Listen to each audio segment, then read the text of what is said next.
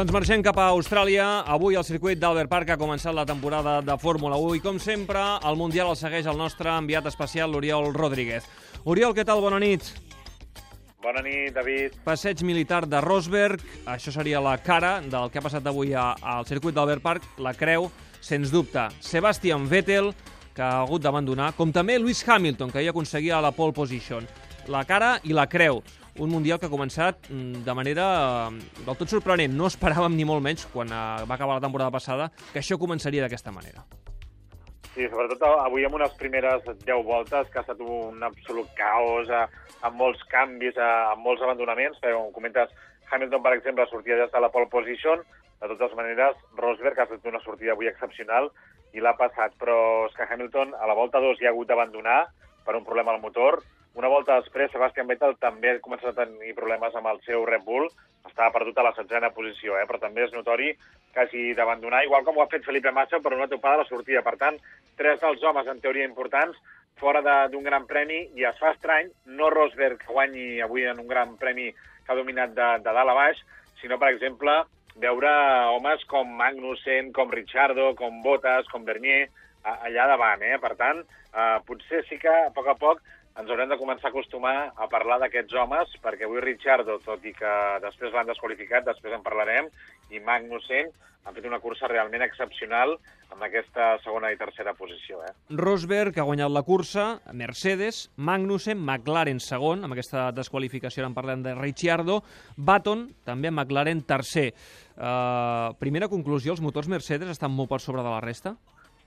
Sí, sense cap mena de dubte, eh? Uh, una fiabilitat uh, excepcional, amb una potència que fa que quan veus un monoplaça amb un motor Mercedes, doncs qualsevol que intenti uh, lluitar amb ell doncs se li fa impossible. Eh? Estem parlant de Mercedes, uh, evidentment, també de, de McLaren, de Williams, que pot donar molta guerra en aquest principi de, de temporada, i també de Force India. Per tant, són quatre equips a tenir molt en compte fins que no hi hagi evolucions importants d'altres equips amb altres motors. Per tant, són els equips que, en teoria, han de lluitar per les victòries en aquestes primeres curses abans d'arribar a Barcelona. Rosberg, com comentaves, amb aquest passeig avui, ha sabut gestionar molt bé eh, l'avantatge d'aquest gran premi i amb una cosa també notable i notòria. La seva volta ràpida la volta ràpida fet de, de la cursa la marcada a la volta 19. Això Mm. vol dir que el monoplaça encara va molt carregat de benzina i també ens dona una mica de pistes de, de com pot arribar a ser potent a aquest monoplaça aquesta temporada. No? Rosberg al final del Gran Premi estava contentíssim. És evident que avui guanyant aquesta prova es posa per primer cop en la seva carrera esportiva com a líder d'un Mundial de Fórmula 1. All worked perfectly. Reliability was great. Avui ha anat tot perfecte. La fiabilitat que hem tingut ha estat excel·lent. Estic molt content per tota la gent de l'equip que han treballat com a condemnats en el cotxe. La gent no es pot arribar ni imaginar les hores i hores d'intensitat de feina. I dominar d'aquesta manera, com hem fet aquest cap de setmana, és el millor començament que podíem tenir.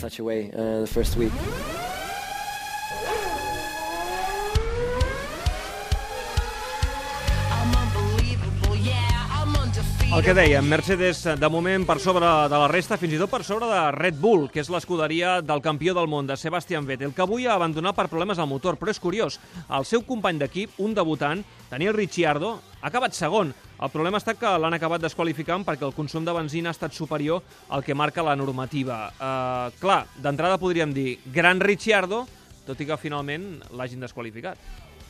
Sí, pobre, eh? perquè debutava amb Red Bull a casa, ha aconseguit aquesta segona posició, el públic australià eh, busca un ídol després que Mark Webber abandonés la competició i un Mark Webber que, evidentment, a lluitar pel títol no, no era el seu fort. Eh? Per tant, amb aquesta segona posició de Ricciardo estava contentíssim i, com comentes, a 100 quilos per hora és el màxim consum que pot tenir uh, un monoplaça en el seu fluix i l'ha superat. Red Bull ha presentat al·legació eh, d'aquesta sanció, veurem com acaba tot plegat, però el cert és que després d'unes quantes hores de, de discussions els comissaris han decidit desqualificar-lo perquè així ho marca la normativa i això ha fet de retruc que dos McLarens, el de Magnussen, que havia estat tercer, passés a la segona posició i Baton, que havia estat quart, passés al tercer lloc. McLaren, en tota la temporada passada, zero podis, aquest 2014 ja n'ha aconseguit dos. Mm, I Ferrari, eh, que viuen el seu particular via crucis. A veure, d'entrada podríem dir, amb la desqualificació de Ricciardo, una quarta posició d'Alonso tampoc està tan malament. Raikkonen setè, aquí ja tindríem problemes. El problema és el, el temps a, en pista, el, el, els temps que han marcat. Alonso a 35 segons de Rosberg ha arribat i Raikkonen a 57, això és moltíssim, Oriol. això és una autèntica barbaritat. A més, hem de tenir en compte que hi ha hagut un cotxe de seguretat en pista, amb la qual cosa, si no hagués estat així, eh, l'avantatge de Rosberg respecte als Ferrari encara hauria sigut més gran, però també hem d'agafar, evidentment, a, a, els problemes que, que han tingut en, la, en el volta a volta. Eh? Ha anat molt més lent que, que la majoria de competidors, sense un ritme competitiu, i això és evident que aquesta quarta i setena posició està força bé, o no està malament, però també és obvi que aquesta distància és preocupant, i per tant això hauran d'analitzar Maranello per veure què ha passat. I Alonso al final ja parlava de dues coses importants. Eh?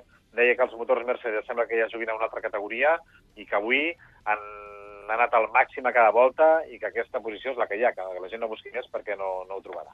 Hemos tirado a tope toda la carrera eh, y también gracias a, a la vuelta de formación extra había una vuelta menos ya en carrera, eh, luego las vueltas con el safety car, todas estas eh, circunstancias nos han hecho que no teníamos que ahorrar gasolina en ninguna parte de la carrera y podíamos atacar eh, ya sin problemas, por tanto lo que hemos hecho es lo que hay.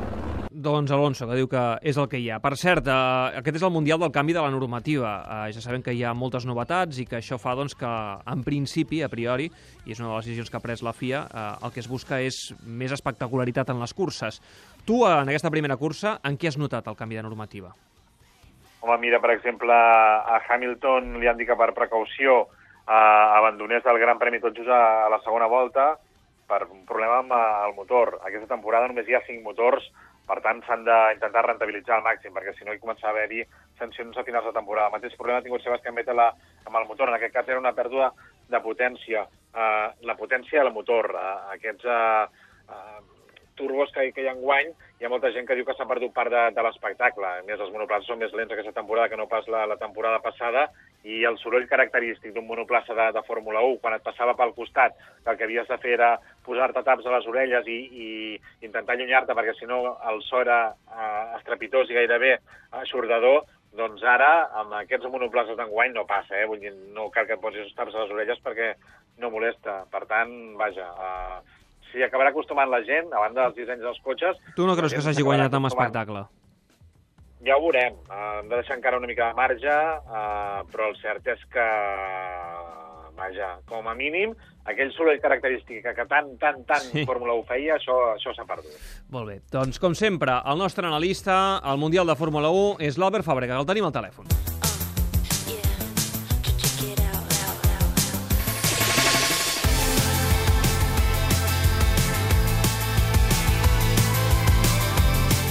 Albert Fàbrega, bona tarda.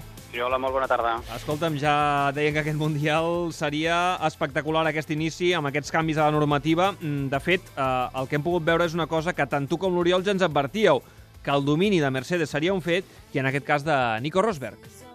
Mercedes i Nico Rosberg han fet bons doncs, aquests eh, presagis, aquestes sensacions que havien deixat en aquesta pretemporada, en els quals s'han mostrat, eh, per un costat, els més fiables i, per altre, els més ràpids, en qualsevol de les condicions, en tandes llargues, en tandes curtes, en tandes de qualificació, amb el pneumàtic tou, amb el pneumàtic dur, els que millor han fet els deures aquest hivern i que han arribat aquí a Melbourne millor preparats. I així ho han demostrat, tot i que han començat la cursa amb un sobresalt important que era l'abandonament de Lewis Hamilton. Rosberg ha agafat el, en relleu el seu company d'equip, el seu teòric líder de files, i ha dominat la cursa de cap a peus. En tot moment ha estat controlant el ritme de la cursa, encara que hi hagi hagut un safety car. Nico Rosberg ha fet una estratègia perfecta, eh, molt ben guiat des del mur pels seus enginyers de pista, i en definitiva una cursa sense cap error que l'ha portat a aconseguir aquesta primera victòria de la temporada. Mm, Ara que treies tu el nom, Albert, què ha passat amb Hamilton? Doncs bé, Hamilton sortia des de la pole position, va fer una gran classificació ahir, però finalment eh, algun que altre problema amb el seu eh, monoplaça. Des de... Haurem de veure quines són la, les conclusions a les que arriben des de Mercedes, perquè primer li han dit que tenia un problema, que abandonés de seguida, després li han dit que es mantingués en cursa, problemes amb el propulsor, i és que és important eh, preservar la integritat dels propulsors en aquestes primeres parts de la temporada, tot i que hi hagi una avaria, han d'intentar que no hi hagi una trencadissa més forta, perquè amb la nova normativa de només 5 propulsors, 5 propulsors per, per eh, pilot, han d'intentar arribar amb el màxim de recursos a final de temporada, on realment començaran a passar factura d'aquests problemes de fiabilitat. Mm, I abans ho parlàvem amb l'Oriol, eh, una de les sorpreses, Ricciardo, eh, australià, s'estrenava davant del seu públic al Gran Premi d'Austràlia, ha acabat segon, el problema és que l'han acabat desqualificant. Què t'ha semblat?